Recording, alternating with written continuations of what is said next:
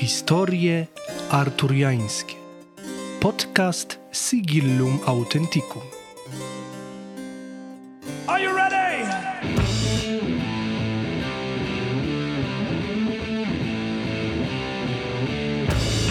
Opowiadam i rozmawiam o takiej historii, która interesuje mnie najbardziej. Zapraszam.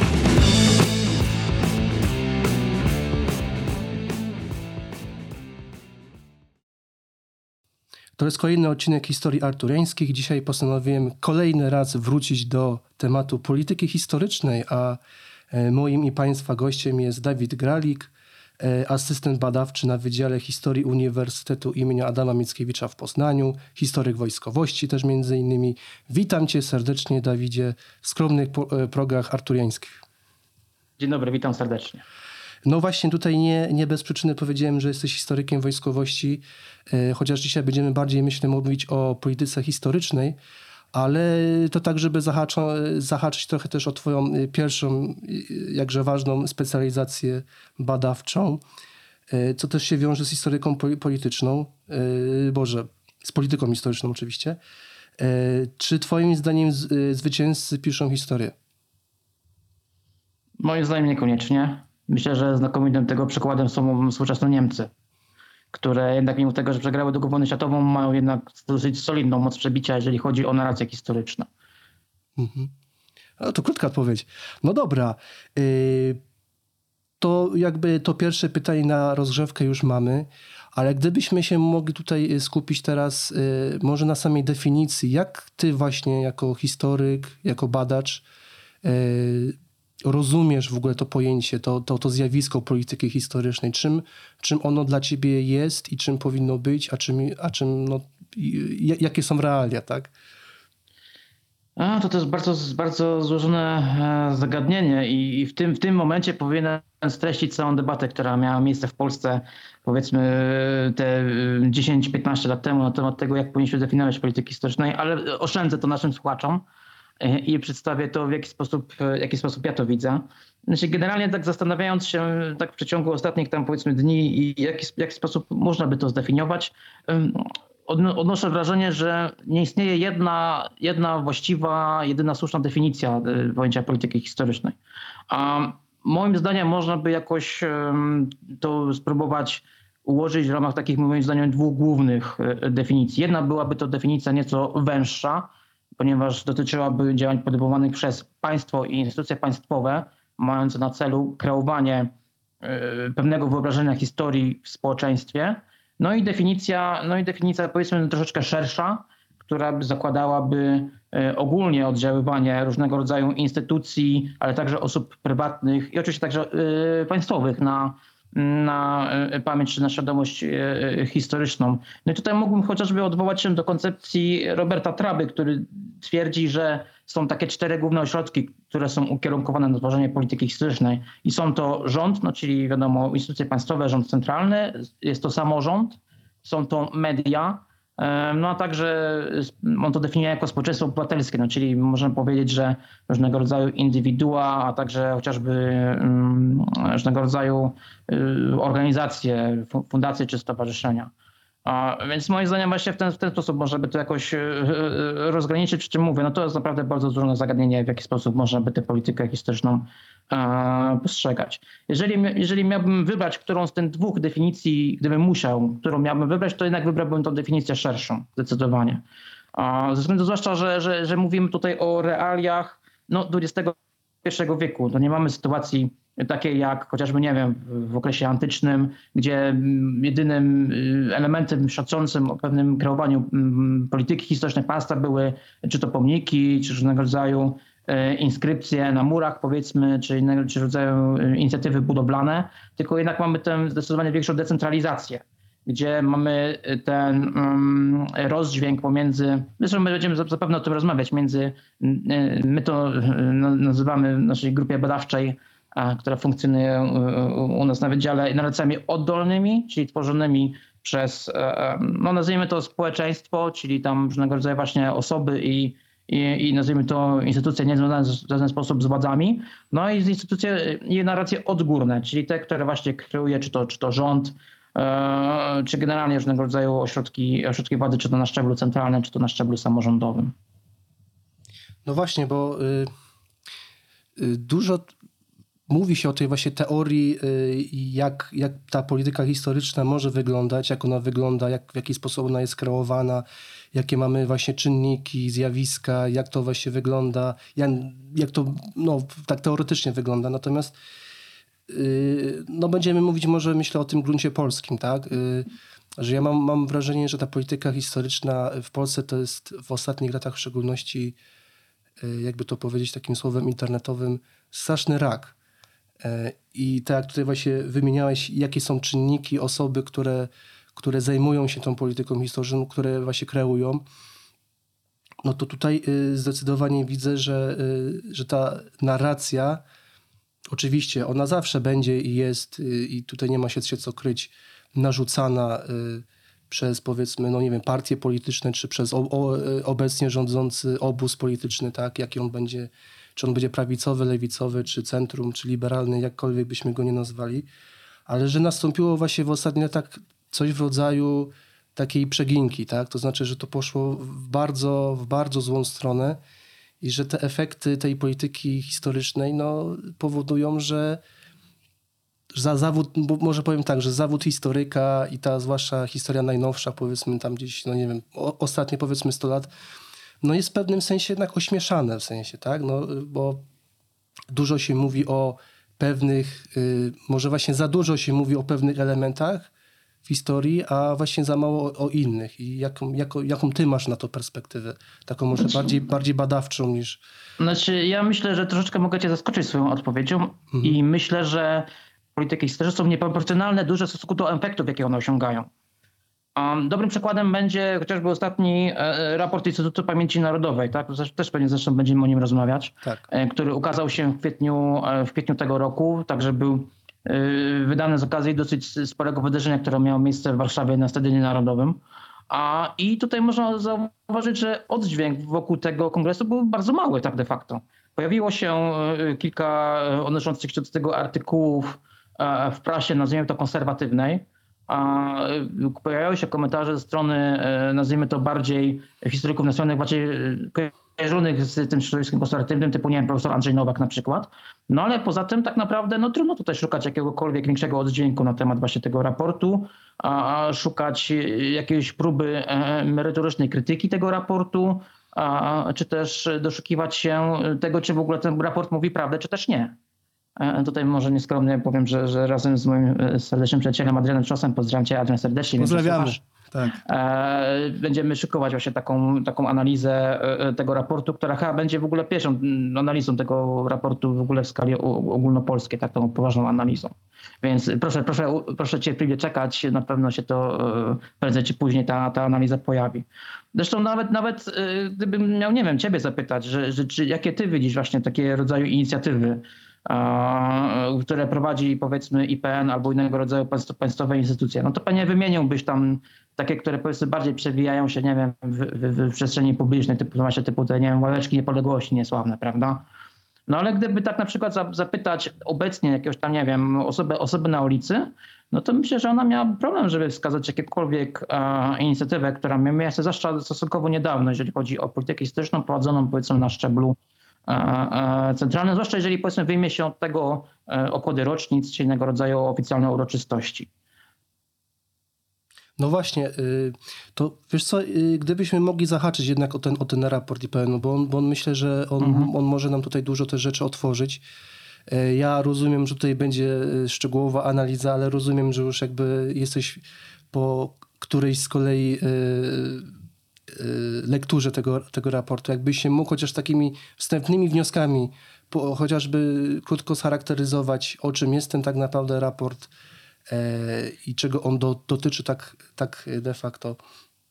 Znaczy generalnie autorzy, te, autorzy tego raportu sobie stawiają, stawiają sobie cel w ogóle zbadanie e, poziomu, nazwijmy to, e, świadomości historycznej Polaków, przy czym no, Tutaj, tutaj, tutaj należałoby stwierdzić, że można ten raport przede wszystkim krytykować od takiej warstwy metodologicznej, a to znaczy, że y, wśród badanych, jako, jako grupę badanych wybrano, tak, podzielono w ogóle tych badanych na trzy grupy.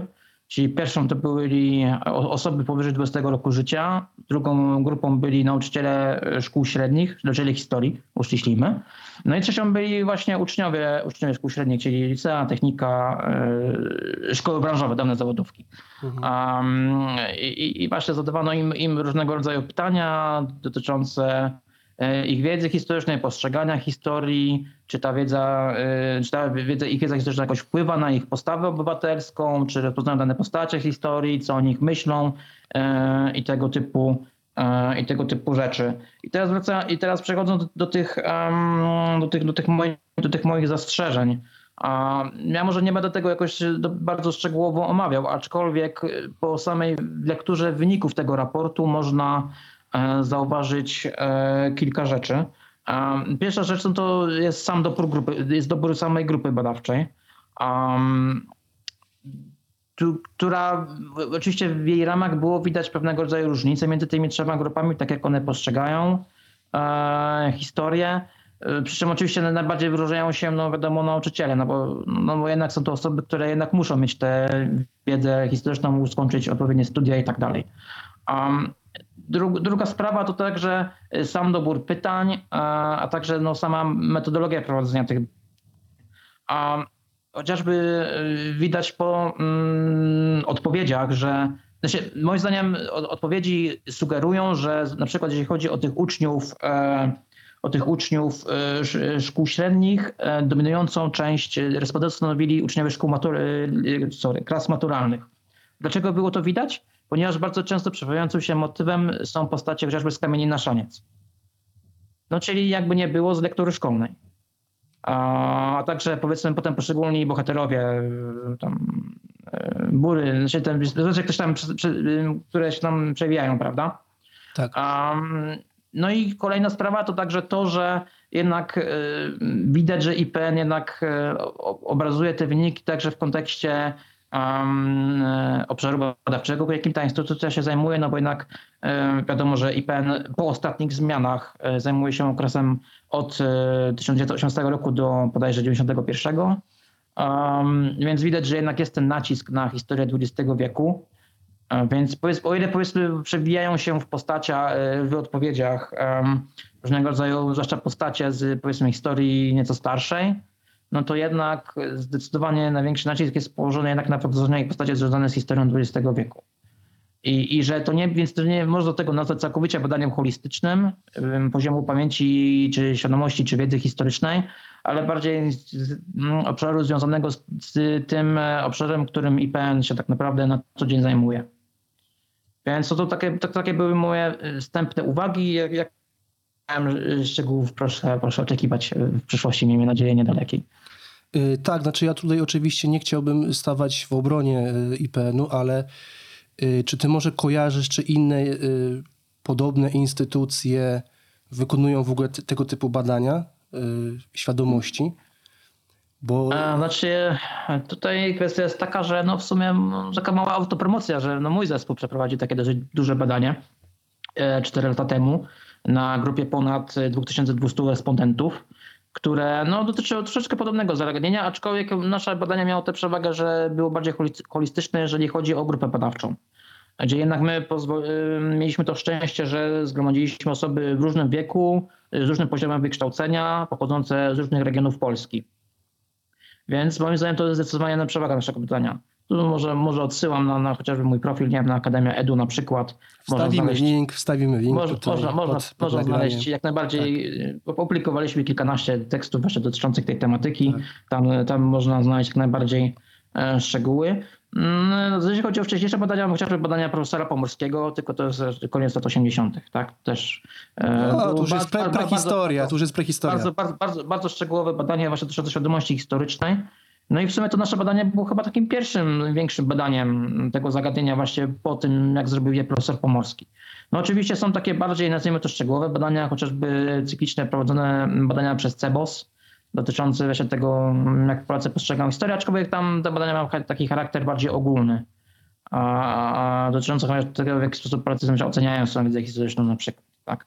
Ale to są te, takie badania mm, punktowe, nazwijmy to, a, a tutaj te badania nasze, czy Profesora Pomorskiego, to mają charakter bardziej holistyczny, bardziej ogólny. Mhm. Y, ale właśnie, bo wspomniałeś, że te badania były przeprowadzone 4-5 lat temu, prawda? I teraz tak się zastanawiam. Mm. To oczywiście nie jest żaden zarzut i tutaj jakby oczywiście doceniam pracę, bo tam zdaje się, że też y, jakaś tam skromny, skromna moja działalność została też, z tego co pamiętam, zaliczona do tego grona oczywiście, szacownego. Oczywiście. Ale właśnie, czy to nie jest tak, że y, teraz w tych czasach, w których żyjemy, że te badania się bardzo szybko dezaktualizują jednak? Tak. Nie masz, tak, nie masz takiego wrażenia? Gdybyśmy, gdybyśmy te, mieli zrobić te badania dzisiaj, myślę, że zrobiliśmy, zrobilibyśmy je nieco inaczej.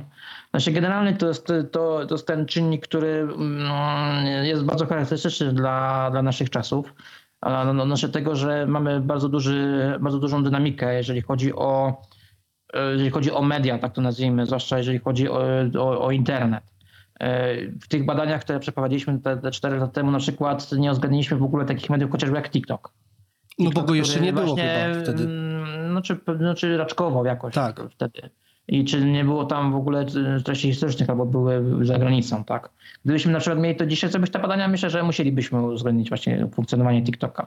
Musielibyśmy uwzględnić, nie wiem, funkcjonowanie bardziej Instagrama, bardziej funkcjonowanie Snapchata, czyli tych mm, mediów bardziej nastawionych na E, jednak na e, kwestie wizualne, prawda?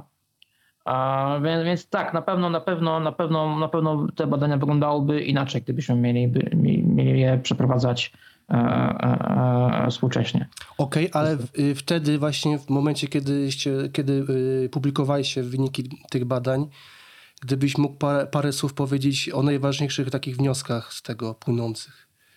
Znaczy myślę, że najważniejszym, najważniejszym wnioskiem będzie to, że możemy zauważyć znaczące różnice odnośnie źródeł czerpania wiedzy historycznej,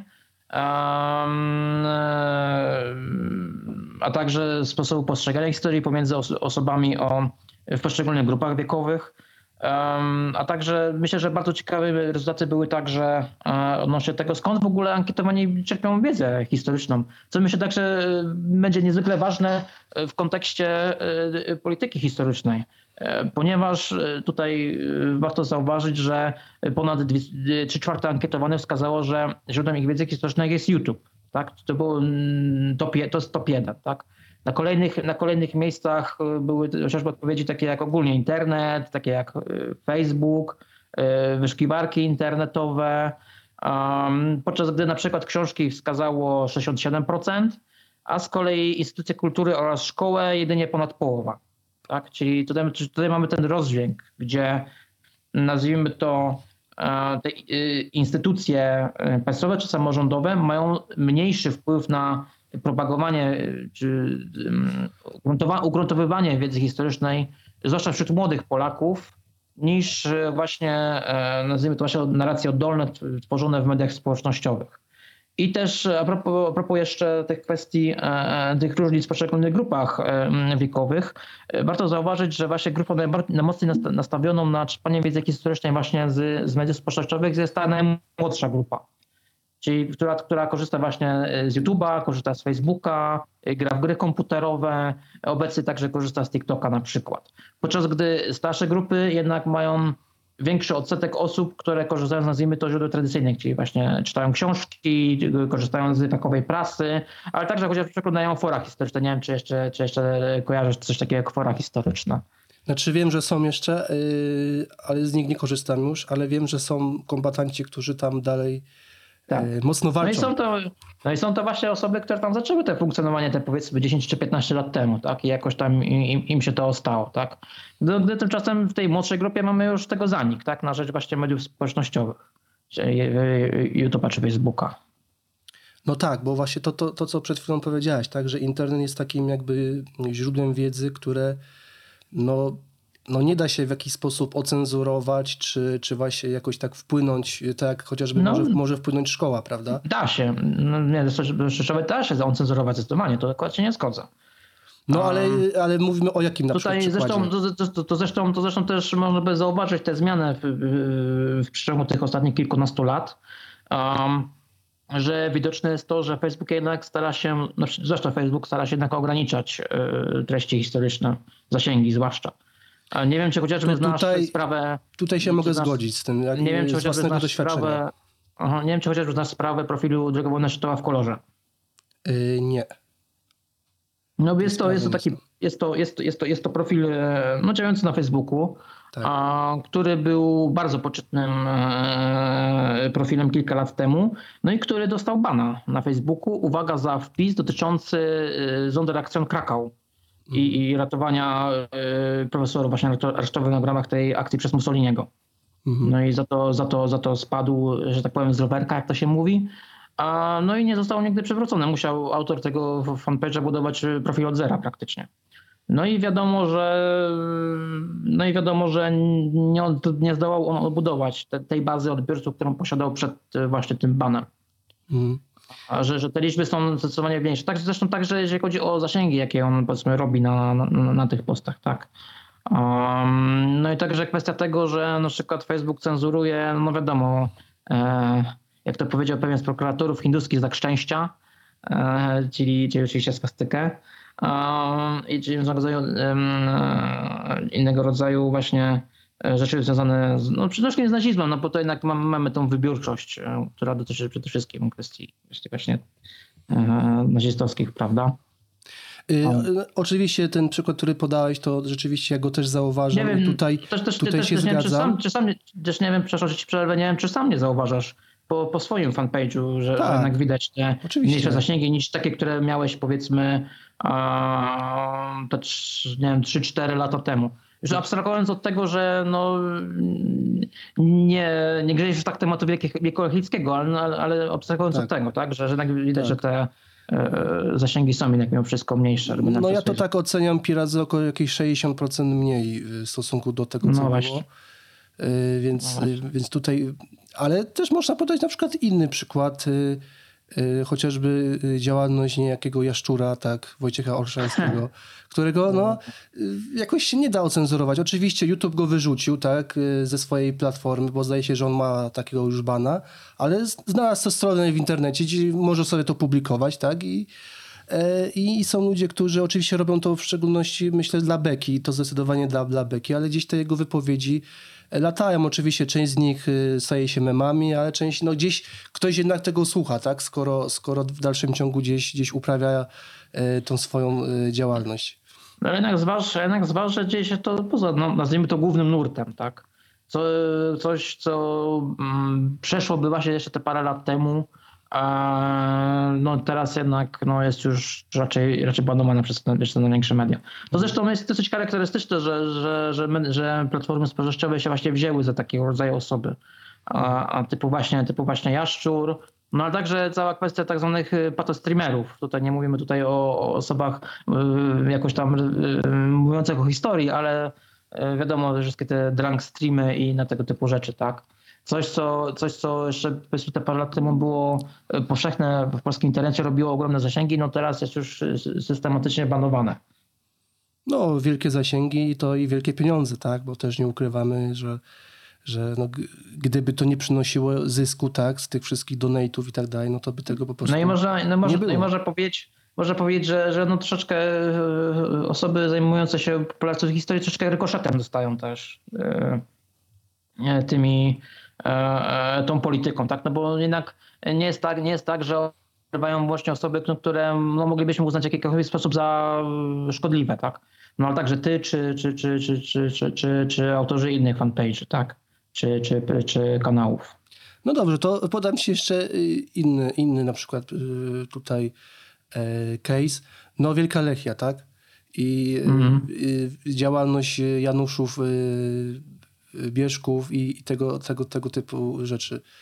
No dla mnie tu tutaj na przykład no pytanie, czy by to ocenzurować, tak? No to bym się zastanowił, w sensie, no gdyby to na przykład wyrzucić, no to, to bym to bym jednak w jakiś sensie jednak zaprotestował, tak? No bo mm, no z, jednej, st- z jednej strony to jest zdecydowanie szkodliwe, no, no ale z drugiej strony no, no wyrzucać to, bo, bo co, bo dlaczego?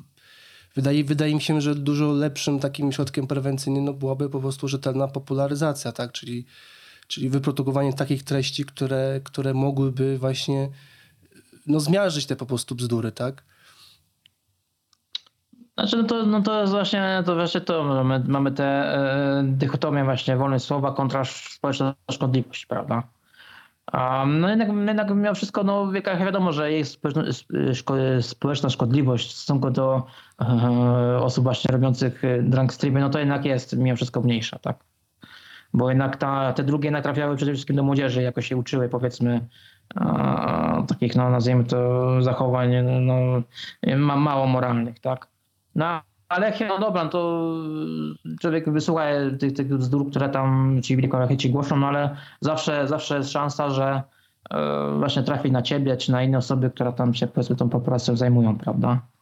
No i inna sprawa, że nie wiem, czy się z tą zgodzisz, ale odnoszę wrażenie, że te środowiska też w swój pik popularności też już mają za sobą. Tak, no I tutaj pytanie, I tutaj pytanie też, na ile to jest zasługa wypalenia się tematu, a na ile jest to kwestia jakichś y, machinacji, w cudzysłowie, robionych przez y, platformy społecznościowe. No to, to, jest, to jest rzeczywiście ciekawa rzecz, natomiast na pewno y, fakt faktem zagadnienia związane z historią XX wieku i to też wiem z, z doświadczenia chociażby rozmowy, z którą też przeprowadziłem tutaj w podcaście z Jankiem y, Grabowskim z okupowanej Polski, że też, tak. też mają z tym, z tym problem. serdecznie od Wala, kawał dobrej roboty. Tak, bo też z tym... Z tym od Wala, kawał, kawał dobrej tak. roboty oglądam też. Nie tylko, nie tylko, nie tylko z e, powinności zawodowych, ale także e, nazwijmy to prywatnie. Tak i po prostu, no i też właśnie wspominam o tym, że też, też nie mają tego typu absurdalne problemy, że no z czysto jakby edukacyjnych y, postawy mówią o czymś, tak, i jakby i to widać, tak, i to słychać, tak, że to jest wyłącznie wartość edukacyjna, tak, to nie jest żadne tam propagowanie jakiejś ideologii, ale też miewali takie tego typu problemy e, na, na, na YouTubie, że im obcinali zasięgi, czy też tam jakieś tam strajki, tak, więc e, więc rzeczywiście tutaj pod tym względem ten XX wiek no jest jakiś taki naznaczony, że trzeba z jednej, tak, trzeba, tak, no właśnie nie wiem, czy trzeba być ostrożnym, ale no, trzeba być gotowym na to, że możesz dostać takiego gonga, jeżeli się zajmujesz y, popularyzowaniem. No to jest, no to jest kwestia, to jest, to jest właśnie kwestia związana z automatyzacją, prawda? Bo to jednak jest to pewnego rodzaju algorytm, który to sprawdza. Więc jeżeli powiesz, powiesz słowo Hitler, no to algorytm nie jest w stanie się tego wyłapać, w jakim kontekście to mówisz. Czy w kontekście takim, że, że jesteś y, miłośnikiem austriackiego kaprala, czy w tym sensie, że mówisz o tym, że Hitler był zbrodniarzem, prawda? Hmm. No dobra, ale no jeszcze... Tak samo, tak, mhm. samo, tak, no, tak samo, no tak samo z swastyką. Z masz to samo, prawda? Gdzie, no, gdzie nie, wychwa, nie, nie wychwyci, czy yy, nie wiem, czy jest to jakiekolwiek propagowanie, czy to ma wyłącznie walor edukacyjny. Mhm. Ale właśnie wracając yy, właściwie do początku na naszej rozmowy i do polityki historycznej jako takiej, yy, w jaki, czy w ogóle historyk, y, czy nie wiem właśnie jak, jak to powiedzieć, ale, ale czy właśnie właściwie jak z punktu widzenia historyka powinna, powinno wyglądać to kreowanie polityki historycznej? Czy on w ogóle powinien się tym zajmować? Czy to powinni politycy robić? Czy, czy kto to powinien się, się tym zajmować? Znaczy, no, zależy w jakim kontekście spytasz. Bo tak naprawdę, moim zdaniem, też nie należy traktować polityki historycznej jako monolitu bo masz, możesz mieć inną politykę historyczną skierowaną do wewnątrz, czyli na użytek nazwijmy to krajowy, możesz mieć inną polityką, politykę historyczną skierowaną na zewnątrz. No a także możesz mieć różne typy polityki historycznej e, odnośnie treści. Możesz mieć taką politykę historyczną mającą charakter, nie wiem, nazwijmy to obronny, czyli typu zwalczania na przykład pojęcia polskie obozy śmierci czy zagłady. No a też może mieć taką politykę bardziej ofensywną, czyli na przykład jakieś e, kreowanie e, jakiegoś e, obrazu, jakiejś narracji, którą chcesz jakoś powiedzmy sprzedać za granicą, prawda? Więc tutaj, tutaj, tutaj jest kwestia no, bardzo, bardzo, bardzo płynna i, i tak naprawdę nie jestem w stanie tutaj udzielić jednoznacznej odpowiedzi. No wiadomo, że dużo tutaj będzie zależało tak naprawdę od tego, jaki dany historyk posiada tak naprawdę y, światopogląd, bo jednak no nie, może, nie możemy od tego tak naprawdę uciec, prawda? Inaczej będzie postrzegał sprawę historyk konserwatywny, inaczej będzie postrzegał to historyk o poglądach bardziej liberalnych, prawda? Inaczej będzie to dla osoby, która powiedzmy w polityce historycznej ma, mm, e, uważa, że polityka historyczna powinna mieć też ten wymiar, nazwijmy to kulturotwórczy czy narodowotwórczy, a inną osoba, która powiedzmy będzie ten wymiar całkowicie odrzucać. Tak?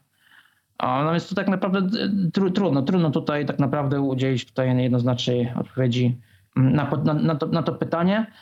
Jedno, jedno, jedno, co chciałbym e, powiedzieć i, i także nieco odnieść się do poprzedniego podcastu, który robiłeś na temat polityki historycznej, to jedno mogę powiedzieć, że postulowanie, postulowanie tego, żeby zostawić politykę historyczną wyłącznie historyką jest tak naprawdę mm, podejście niezwykle idealistyczne i tak naprawdę całkowicie, całkowicie niemożliwym do realizacji, nawet na gruncie praktycznym. Um, no bo też e, zważmy, um, zważmy na to, że jednak przekaz, przekaz polityczny także musi, jednak no, się, się, się musi w pewien sposób nieco generalizować pewne sprawy, prawda? Więc jednak nawoływanie wyłącznie do tego, że powinniśmy e, zostawić to historyką, że powinna być prowadzona debata e, i tak dalej, no to nie, nie będzie to przekaz, który będzie trafiał do przeciwnego odbiorcy. Okej, okay, on będzie jakoś zataczał się wokół, e, wśród historyków, no ale jednak nie będzie, nie będzie trafiał do przeciwnego e, zjadacza chleba. Na potrzeby, e, na potrzeby takiej osoby jednak przekaz musi być w pewien sposób uproszczony, prawda? No jeżeli historycy mieliby problem z prowadzeniem takiego typu narracji, no to, no to jednak musi być to w jakiś sposób kwestia, którą politycy będą, będą, będą dotykać, prawda? To, to, nie, to nie jest tak, to tak, tak, jak, to tak jak trochę w, w teorii stosunków międzynarodowych, gdzie masz e, tę idealistyczną, idealistyczną wizję stosunków międzynarodowych i tą realistyczną. No ja jednak mimo wszystko stoję po stronie tych bardziej, tej bardziej realistycznej wizji e, prowadzenia polityki, polityki historycznej. Gdzie wiadomo, że no, no, no, no wiadomo, polityka nigdy nie jest z gruntu rzeczy to całkowicie czysta, ani całkowicie moralna, tak? No to jest jednak polityka. To, to, nie, to, nie, to nie jest nauka, gdzie możemy spierać się na argumenty, prawda? Bo to jednak y, chodzi nie o to, kto ma prawdę, a o to, kto się ze swoją wersją przebije tak naprawdę. Czy to na potrzeby krajowe, czy to na potrzeby zagraniczne. Yy, tak, ja się z tym, z tym zgadzam, co powiedziałeś przed chwilą, ale tak się zastanawiam, na ile yy, powiedzmy dana narracja, czy dany interes polityczny, który powiedzmy w danym momencie politycy danej opcji forsują, tak? I tutaj piję zdecydowanie do e, polityki obecnego rządu, chociaż zobaczymy, jak, jak to będzie. Jesteśmy, nagrywamy tuż przed ciszą wyborczą, więc jeszcze jej nie naruszamy. E, podcast i tak będzie na pewno już po, po, po wyborach, ale e, tak się zastanawiam, znaczy, czy to jednak nie jest pewna przeginka, tak? Bo ja rozumiem, chociażby no, konkretna sprawa, sprawa reparacji, tak? gdzie mhm. oczywiście jest poniesiona krzywda, oczywiście te, te, ta krzywda z różnych względów politycznych, historycznych y, nie została z pewnością w pełni, y, y, w pełni tutaj wynagrodzona, jeżeli, jeżeli tak powiem, i być może trzeba byłoby znowić te negocjacje i zastanowić się, co można zrobić jeszcze w tym mhm. temacie. Ale czy, jakby inaczej, w sposób, w jaki to się robi, o, że jakby, że to z góry już widać, że to nie przyniesie żadnego efektu, powiedzmy tego, który chcemy osiągnąć, ale powiedzmy, czyli ten taki cel, cel zewnętrzny na pewno nie będzie osiągnięty, ale ten cel wewnętrzny, czyli jakby antagonizowanie w stosunku do Niemiec, no, no jest realizowany i on jakby cieszy się gdzieś tam e, takim stosunkiem pozytywnym i on na pewno gdzieś tam taką kiełbasą wyborczą, no zdecydowanie jest i tutaj nie ma, nie ma co do tego chyba żadnych wątpliwości. Znaczy, jeżeli chodzi o sprawę reparacji, czy też szerzej politykę historyczną obecnego rządu, ja mam do niej jeden główny zarzut, że jest to polityka skierowana wyłącznie do wewnątrz, na, na użytek krajowy, że proporcja polityki historycznej kierowania do wewnątrz, a na zewnątrz jest całkowicie proporcjonalna. Jeżeli na przykład prześledziłbyś działalność Instytutu Strat Wojennych e, imienia Karskiego, czyli tej instytucji, która stoi za mm, e, powstaniem tego raportu dotyczącego e, strat wojennych i tego, tego studnego wyliczenia, mam nadzieję, na 2 biliony jeżeli dobrze pamiętam. No to jeżeli przesiedzisz e, sposób prowadzenia komunikacji przez tą instytucję, no to jednak jest ona nakierowana do wewnątrz, no, że tak krajowy. Jeżeli zobaczysz na przykład konto na Twitterze właśnie tej instytucji, no to tam zobaczysz głównie tweety po polsku.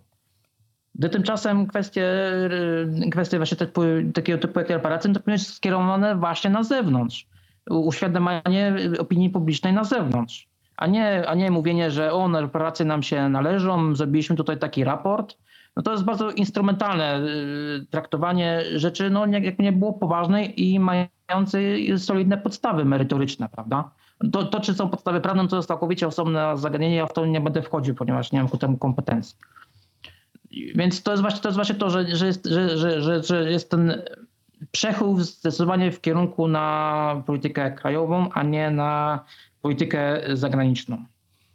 Yy, tak, no tutaj zdecydowanie, że tutaj to widać właśnie ten, ten taki przechył i e, więc jeżeli, mhm. więc właśnie, więc właśnie jeżeli, jeżeli, jeżeli mielibyśmy prowadzić taką właśnie uproszczoną politykę e, historyczną, tak to nazwijmy, czy prowadzić uproszczone narracje dotyczące polityki zagranicznej, to właśnie będą kierowane na zewnątrz. A na potrzeby polityki krajowej możemy to oczywiście bardziej niuansować, prawda? No bo, no bo tak naprawdę zadajmy sobie jedno podstawowe pytanie, czy za granicą w jaki sposób niuansuje się narracja dotycząca polityki historycznej? No moja odpowiedź byłaby, że nie. Że, że, że, tego, że, tego, się, że tego się nie, nie niuansuje, prawda? Że okej, okay, na potrzeby wewnątrzkrajowe jakoś jest to, yy, może być to niuansowane, ale na zewnątrz ten przekaz jest powiedzmy w, w, miarę, w, miarę, w, miarę, w miarę jednolity. Też jakoś ze względu, nie na przykład na moje zainteresowania badawcze, e, także znajomość języka, nie wiem, dobrym przykładem będzie chociażby Francja, tak? E, no nie jest przypadkiem, że jedna z lepszych prac poświęconych okresowi Francji Vichy e, została napisana przez amerykańskiego historyka, ponieważ Francuzi mają problem z tym zagadnieniem, prawda? Mhm. No Francuzi raczej no, no nie lubią podejmować się tego tematu. Albo na przykład to, jakie problemy mają Francuzi, na, na przykład ze sprawą Vendei chociażby tak? No, że mówię, że to nie są jakoś e, epizody, które jakoś by tam e, były podnoszone powiedzmy na, na, na potrzeby zagraniczne. No tak samo no, u, nas tak to, tak, to, tak, to, tak, to, tak, to, tak to nie wygląda, gdzie mamy yy, jednak, no, jednak brakuje tej jedności ukazywanej, ukazywanej na zewnątrz i do tego mamy tę walkę i polaryzację także wewnątrz, tak? Yy, tak, dokładnie.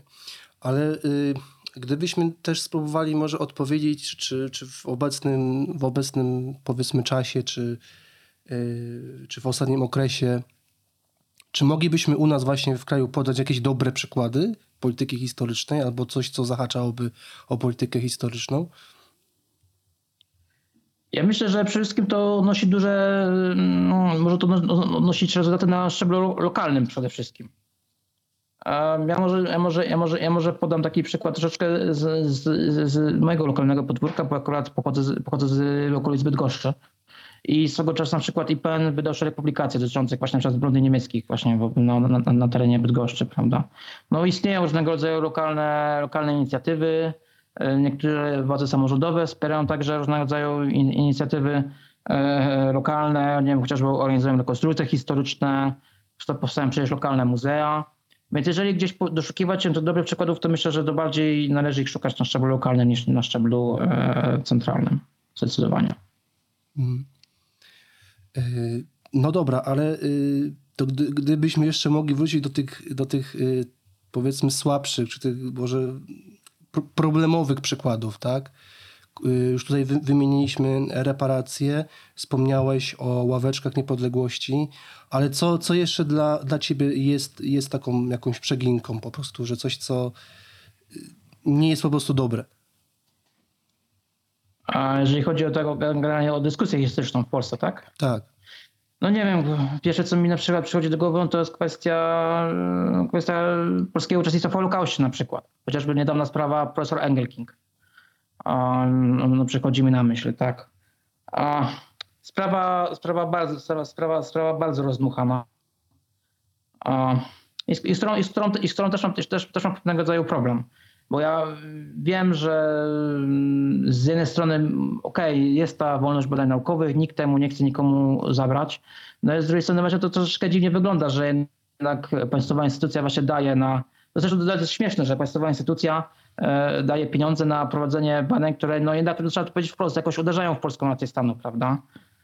No i co do której też jest szereg zastrzeżeń na punkcie, na punkcie e, merytorycznym. Tutaj Także polecam zwłaszcza osobom, które bardzo mocno broniły profesora Engelking, żeby też się z tą dyskusją jakoś zapoznały, prawda? Więc to też, też jest ta kwestia. Nie mamy, mamy do tego dyskusję, nie wiem, e, wokół, nie wiem, Brygady Świętokrzyskiej na przykład a ci tego, czy to byli kolaboranci Niemiec, czy to nie byli kolaboranci Niemiec, prawda? Mamy całą dyskusję, nie wiem, na temat y, tak zwanego Ludowego Wojska Polskiego, tak? Czy, czy to byli ci, co nie zdążyli do Andersa, czy to byli komunistyczni aparatczycy w jakiś sposób. Zresztą, zresztą, zresztą, zresztą też jest y, y, kwestia tego, że jednak są to wszystko, mimo wszystko takie kwestie, które jednak poruszają, dotyczą historii najnowszej, prawda? To, to, to, też jest, to też jest bardzo charakterystyczne. I to też dlatego ja nigdy osobiście nie chciałem się mocniej angażować w badania XX wieku, bo wiem, że no, jest to taki no, mocno temat mina, tak? Yy, tak, ja właśnie miałem o tym za chwilę powiedzieć, że, że właśnie w tych dys- dyskusjach yy, wokół po, polityki historycznej, czy właśnie w, może bardziej właśnie w debacie takiej, takiej publicznej na temat historii, no to zawsze przewija się to ten okres powiedzmy 100 ostatnich lat, tak? Czyli XX wiek, powiedzmy, drugi, no przede wszystkim druga wojna światowa, tak, okres komunizmu, czasem jeszcze pierwsza wojna, no bo wiadomo, niepodległość i, i, i też, i też yy, tak na studiach właśnie stwierdziłem, że to też No w sumie no, nie, nie, nie chcę się tym zajmować, tak? To już to wolę to średniowiecze czy nowożytność. Zresztą, zresztą, zresztą też, czy, czy też pytanie, czy nie uważasz, że właśnie, że to też, jest problem, że, odwu- że skupiając się na historii XX wieku też nie dodajemy kolejnego kamyczka do tej polaryzacji społeczeństwa? Że gdybyśmy częściej odwoływali się do epok wcześniejszych, wyglądałoby to trochę lepiej? Myślę, moim, tak. mo, mo, moim zdaniem jak najbardziej. Moim zdaniem jak najbardziej. To też jest ten problem. No. No tak, tylko właśnie to jest to, to, to jest to, że na ile ta historia właśnie wcześniejsza funkcjonuje w przestrzeni publicznej, tak? Bo mamy badaczy, mamy specjalistów, są prace naukowe, natomiast z popularyzacją t- tego jest, Moim- jest, moim- jest problem. moim- Znaczy, moim zdaniem potencjał jak najbardziej jest. Nie wiem, na przykład okresu Rzeczpospolitej Obojga Narodów. Mamy przecież na przykład nie, poczy- poczytne prace, nie wiem, Jacka, Jacka Komudy na przykład. Cały czas y, trylogia Sienkiewicza cieszy się z y, pewnym zainteresowaniem przestrzeni publicznej. No potencjał, potencjał, potencjał moim zdaniem jak najbardziej jest, tylko brakuje takiego, takie, takiego nazwijmy, nazwijmy to kopa, który by jakoś to wygenerował. Nie wiem, przy okazji Średniowiecza myślę, że pewnym katalizatorem była nie wiem, nieszczęsna kolona królów na przykład. Yy, Brakuje, brakuje większej ilości takiego typu in, inicjatyw właśnie, żeby yy, właśnie pokazywać te wcześniejsze epoki w kulturze szerzej. I, i, i, i, i, to myślę byłaby właśnie rzecz, która mogłaby jakoś tutaj zdecydowanie, e, zdecydowanie pomóc e, e, w tym zakresie, prawda? No bo jednak, no bo, no bo, no bo, no bo, nie, no jednak nie łudźmy się, zainteresowanie historią, wiedza o historii właśnie buduje się poprzez no niejako obco, obcowanie z kulturą, obcowanie właśnie z nią w, w internecie współcześnie, obcowanie nią, z nią właśnie pod postacią filmów, pod postacią seriali. No tak, tak, tak, tak, to, tak to współcześnie wygląda, tak? że jednak obecność danego okresu historycznego w przestrzeni publicznej rzutuje na to, jak, jak, jaka jest wiedza na temat tego okresu i, i jak często ludzie chcą się, chcą się podejmować znaczy na przykład e, jakiegoś hobbystycznego zajmowania się danym okresem, czy, czy, czy potem zostawiania profesjonalnymi historykami. Tak, no dla mnie taką szansą też była chociażby no, ten boom, który chyba dalej trwa na ludową historię Polski, tak? Bo Dokładnie. to rzeczywiście tutaj było wiele takich fajnych czynników tożsamościowych, tak? No bo większość z nas pochodzi, ma to pochodzenie chłopskie, tak? I, i, i na tym można rzeczywiście fajnie, fajnie zbudować, czy to przez genealogię, czy, czy właśnie nawet tą historię, nawet XX wieku, tak? zresztą- ludzi, zresztą- ludzi, którzy zresztą- jeszcze żyją. Zresztą, zresztą zauważ, że mieliśmy ten cały wysyp tych publikacji, począwszy od profesora Leszczyńskiego e, i tak dalej. No i teraz mamy kolejną, kolejny y, punkt w postaci ekranizacji chłopów, która Tak. niedawno zadebiutowała. To też Tak. może być czynnik, który jakoś powiedzmy podbustuje y, popularność tego tematu. Tak samo, tak samo, tak samo, tak samo może, troszeczkę- może troszeczkę z mojej branży. Mam nadzieję, że nadchodzący film Leia Scotta troszeczkę podbustuje epokę napoleońską, ponieważ ona jest w kulturze reprezentowana wyjątkowo słabo. Mam nadzieję, że troszeczkę się to zmieni po tym, jak ten film wyjdzie i mam nadzieję odniesie sukces. No tak, ale jeszcze tutaj wracając do tej ludowej historii Polski, to nie wiem, czy widziałeś, że Netflix też zamierza wypuścić taki serial komediowy dotyczący chyba XVII wieku. Tak, E, tak, tak, No tak, i tak, tam tak. już widziałem, Widziałem. widziałem już tam zwiastun i powiedzmy też widziałem pierwsze komentarze, że o, wreszcie pokażemy tą niedolę chłopów, tak, że jak, jak te szlachciury były, były złe, tak, no tylko, że no Fajnie, ja uważam, że to jest jakiś środek do, do, do celu, ale jeżeli ktoś będzie brał tego typu seriale jak Korona Królów, czy, czy nawet ten nowy serial, który, który się pojawi jeden do jeden, że, że to jest historia i tak było, no to, no to nie, no to... to, Znaczy to myślę, że wiele, droga. że wiele osób nie doczytało, nie doczytało, że to ma być taki bardziej e, charakter komediowy ten serial. Tak. To nie ma być na zasadzie e, jeden do jednego. No, z no, żaden dział kultury to nie jest jeden do jednego historia. No ale wiadomo, że to ma być taka no, luźna konwencja, a nie, nie próba jakiegoś powiedzmy e, przedstawienia tego, jak to, jak, jak, jak, to, jak to faktycznie wyglądało. Zresztą też to, ty właśnie zahaczyłeś o bardzo istotną sprawę, mianowicie właśnie weryfikacji treści, które jakoś tam się powiedzmy przewijają w przestrzeni publicznej. I myślę, że to, to jest kolejny, kolejna kwestia, która byłaby jakoś wy- wymagała e, poruszenia, zaznaczenia. Ponieważ zgodnie z przełożonymi wcześniej badaniami, e, które tam przeprowadziliśmy e, właśnie kilka lat temu, jedynie, jedynie ponad połowa e, odpowiadających e, odpowiedziała, że jakoś weryfikuje treści, który, z którymi się zapoznaje. Przy czym jeżeli już to weryfikuje, no to są to przede wszystkim jest to wszystkim internet, tak? Czyli jeżeli jesteś użytkownikiem internetu, no to najczęściej sięgniesz do internetu, żeby sprawdzić jakieś tam informacje, które jakoś się tam przewijają, prawda? No i tutaj no, mamy kolejną kwestię, czyli algorytmy, czyli to, że powiedzmy, jeżeli e, e, jakoś korzystałeś, e, czy widziałeś film tego twórcy, to ci się wyświetli podobne, tak? I to znowu powstają mamy te- teorie baniek informacyjnych, prawda? No tak, bo, bo jeszcze yy, no też wydaje mi się, że to się wiąże z, tak, tak, z takim też zagadnieniem pewnej wiarygodności, tak, bo wydaje mi się, że są też tacy historycy w przestrzeni publicznej, w przestrzeni internetowej, którzy no w pewnym sensie moim zdaniem jednak y, nadużywają powiedzmy swojej pozycji czy swojego autorytetu, z którego wys- występują, tak? Tak. I mam Rozumiem, że tutaj pijesz do pewnego absolwenta mojego uniwersytetu, mojego wydziału. Y, A jak nazwisko? Bo nie wiem, czy mówimy o tej samej nazwie. Na N. Y, Do pana, do pana doktora niehabilitowanego. A, a to, a, no tak. No, Piotruś, to jest, to jest, to jest rzeczywiście też ciekawy przykład, jak, jak też z tytułu naukowego, tak, ze stopnia naukowego można sobie zrobić markę w internecie. Chociaż no, trzeba powiedzieć, że to jest bardzo taka marka y, y, no, Ale chodzi- zła marka chodzi- po prostu. Chociaż teraz ma, chociaż teraz ma tendencję zwyżkową, bo przez sprawy jeszcze doktora Bartosiaka, prawda? Jest cały cel w skowronkach. No, widzisz, no i, i ślepej kurze się ta, trafi te, też ziarno, ale tutaj no, nie jest żadną tajemnicą, to ja może powiem, że mówimy teraz o panu doktorze Piotrze Na- Napierale. Y, Też być może pojawi się podcast, y, odcinek podcastu związany z właśnie z, tą, z tą jakże barwną osobowością świadka historycznego, no, który, który też, no, też chociażby wydaje swoje książki, tak, Historia Polski bez, bez, bez mitów, tak, gdzie e, no, trzeba sobie powiedzieć Tak. szczerze, że to nie jest, to, to, jest, to jest historia Polski bez mitów, ale z, ale z mitami, tak, w sensie, że Tak. tutaj po prostu e, mamy tylko wykładnię swojej, swojego tam świ- światopoglądu, prawda? Dokładnie, dokładnie. Znaczy jeszcze wracając, wracając, wracając do tematu e, właśnie, właśnie tego, tego zaufania, bo ja mam, ja mam też ten problem, śledząc ten temat od, od wielu lat e, narracji historycznych, że tak naprawdę trzeba być bardzo niezwykle wyczulonym na treści pojawiające się w internecie. Bo powiedzmy, możesz mieć twórcę, to, to, to, do którego możesz domniemywać, że mm, prezentuje on pewien po- poziom merytoryczny, ale kiedy zaznajomisz się ze szczegółami, no to tak to nie wygląda koniecznie. Tutaj podam jeden przykład. Jest, jest taki podcast na YouTubie, podcast Wojna Historia, nie wiem czy, nie wiem, czy znasz. Mhm, mhm, tak, kojarzę. E, prowadzony przez pana Bączyka.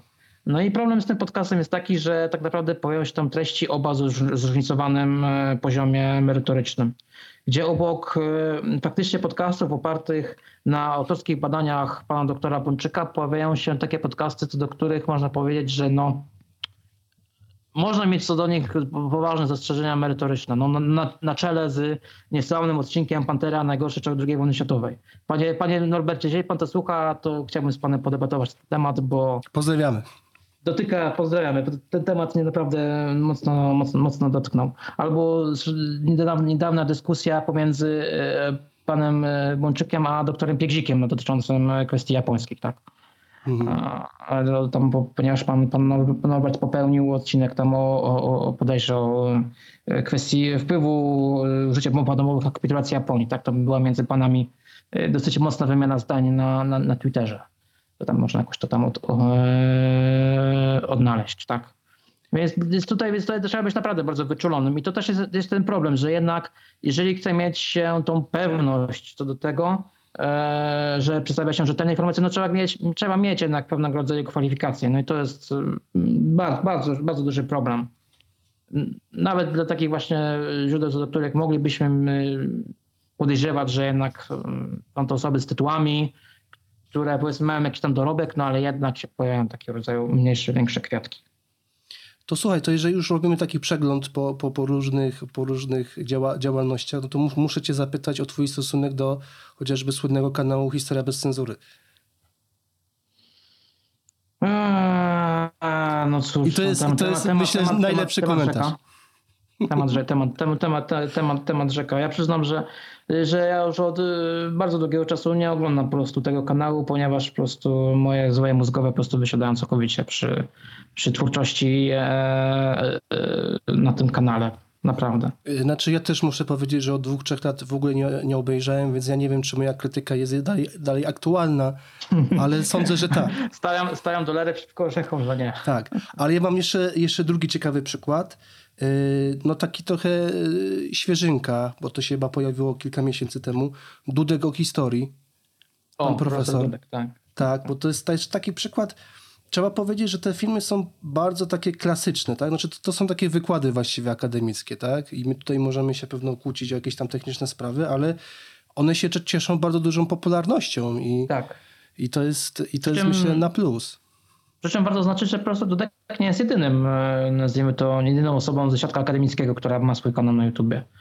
A poza tym, wiem, jest parę innych przykładów, nie na przykład profesor Adam Wielomski. Tutaj akurat e, historia myśli politycznej jest taki kanał. Mhm. E, Wielomski naukowo polityce podarzy się nazywa. Swój kanał na YouTube, na przykład to bardziej z mojej działki, ma profesor Jarosław Centek z Torunia dotyczący historii wojskowości. Um, więc widać, że akademicy no, powoli wchodzą w media społecznościowe. No tutaj jak, profesor, jak, jak pan profesor Dudek z, z sukcesami.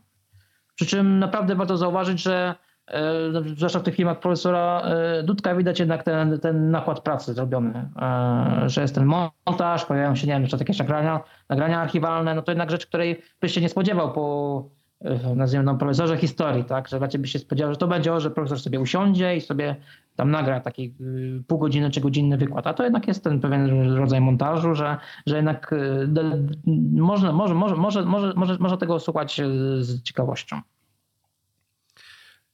Dobra, mam jeszcze jedno, jedno takie pytanie. Tak, tak jak już wspomniałem, nagrywamy to przed wyborami, więc zobaczymy, zobaczymy co, co przyniesie nam, nam przyszłość. Ale czy ty się spodziewasz, jeżeli nastąpiłaby zmiana władzy teraz, to będzie pytania polityczne, czy może, czy, czy nastąpi jakiś zwrot, jeżeli chodzi o politykę historyczną? Czy, czy, to, czy to ma jakiekolwiek, czy te wybory mają jakiekolwiek znaczenie? Myślę, myślę że tak. A zresztą mm, patrząc na to, jakie opcje polityczne są w grze, no to wystarczy porównać to, jak wyglądała polityka historyczna powiedzmy przed 2015 rokiem, a jak wyglądała po 2015 roku. Kwestia, kwestia jest taka, i to też wynika, i to też wynika z, z badań, które e, prowadzę od tych paru lat, no, że jednak ta, nazwijmy to strona prawicowa jest tą stroną, która jest zdecydowanie bardziej aktywna, jeżeli chodzi o prowadzenie polityki historycznej, czy ogólnie zajmowanie się historią. Po stronie lewicowej widać tego mniej, a po stronie, nazwijmy to centrowej, prawie w ogóle tego nie widać. Więc jeżeli można by mówić o tym, czy nastąpi zmiana, no to można powiedzieć, że w przypadku zmiany, zmiany władzy zapewne liczba inicjatyw kierowanych w kierunku polityki historycznej na pewno zmaleje. Zapewne także budżety chociażby IPN-u także zostaną obcięte. Um, I ogólnie raczej myślę, że będzie, będzie, będzie odchodzenie od takiej intensywnej polityki historycznej. Będzie pozostawienie takich kilku, powiedzmy, stałych elementów, typu te najważniejsze rocznice, typu, nie wiem, 11 listopada, 3 maja czy 1 sierpnia. No ale czy coś będzie, będzie poza tym, śmiem raczej wątpić. Będzie raczej taka opcja minimum, mi się zdaje. No a jeżeli powiedzmy pozostanie obecna opcja rządząca, no to będzie oczywiście kontynuacja e, sytuacji, która ma miejsce obecnie. Czy Wajcha może jeszcze pójść e, jeszcze głębiej, czy to już jest... Czy to już znaczy, jest no, znaczy, no, znaczy, no zależy, zależy pod jakim kątem pytasz. A, bo, no też, chociażby... też, bo też, bo też, bo też, bo też mm -hmm. nie, sprowadzajmy, nie sprowadzajmy wszystkich posunięć obecnej władzy do kategorii pewnej groteski i niepowodzenia, no bo jednak no, powiedzmy sobie szczerze, że jednak można wskazać kilka takich elementów typu, nie wiem, działalność na przykład Instytutu Pileckiego, yy, który no, mam do niego pewne zastrzeżenia, yy, ale generalnie no, jest to instytucja, która no, jest bardziej wartościowa niż na przykład IPN. To, że posiada ona chociażby swoje delegatury zagraniczne, Mamy delegaturę berlińską, będzie otwierać teraz delegaturę w Nowym Jorku. Więc to jest właśnie krok w dobrą stronę i właśnie w tym kierunku bardziej powinno się pójść. To, to, to też inna kwestia, że także no, opcja rządząca to także powiedzmy, że nie spełnia także swoich obietnic w warstwie, nazwijmy to, polityki historycznej. Bo miał być na przykład wielki kolejowski film za 200 milionów złotych. Gdzie jest ten film? Ja się pytam. A ja się pytam, gdzie są pieniądze z tego filmu? tak, no bo, ale też piłem do takich jakby, mm, jakby to powiedzieć, do pewnego y, tworzenia pewnej mitologii wokół pewnych wydarzeń z ostatnich lat, tak?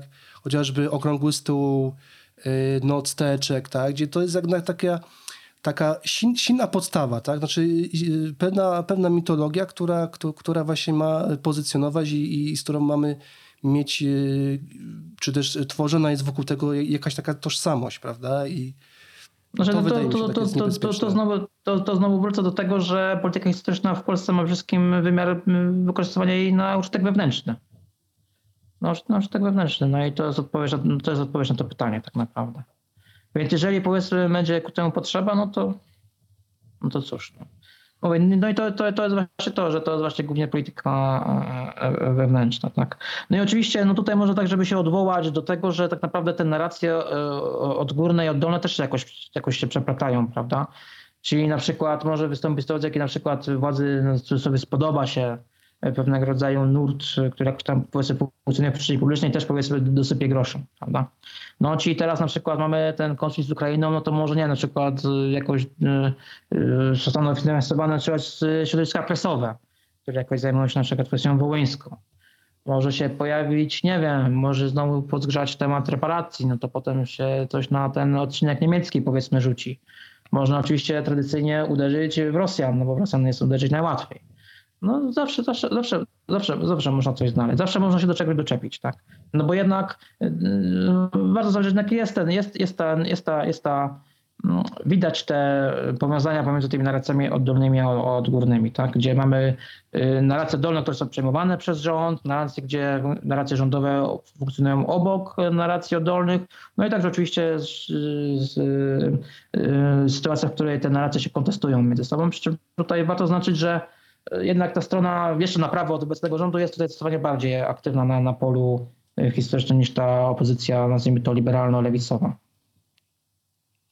Myślę, że z Dawidem, e, myślę, da, myślę przede wszystkim Dawidzie, że to nie jest ostatni odcinek, w którym tutaj wystąpiłeś e, w historii arturiańskiej, bo myślę, że z Dawidem i z twoim serdecznym kolegą i, i partnerem naukowym oczywiście, Adrianem Trzosem, myślę, że się jeszcze spotkamy kiedyś i porozmawiamy, bo to są niezwykle ważne i istotne problemy historyczne, o, o których w tym podcaście zawsze będziemy rozmawiać i, i, znajdziemy czas.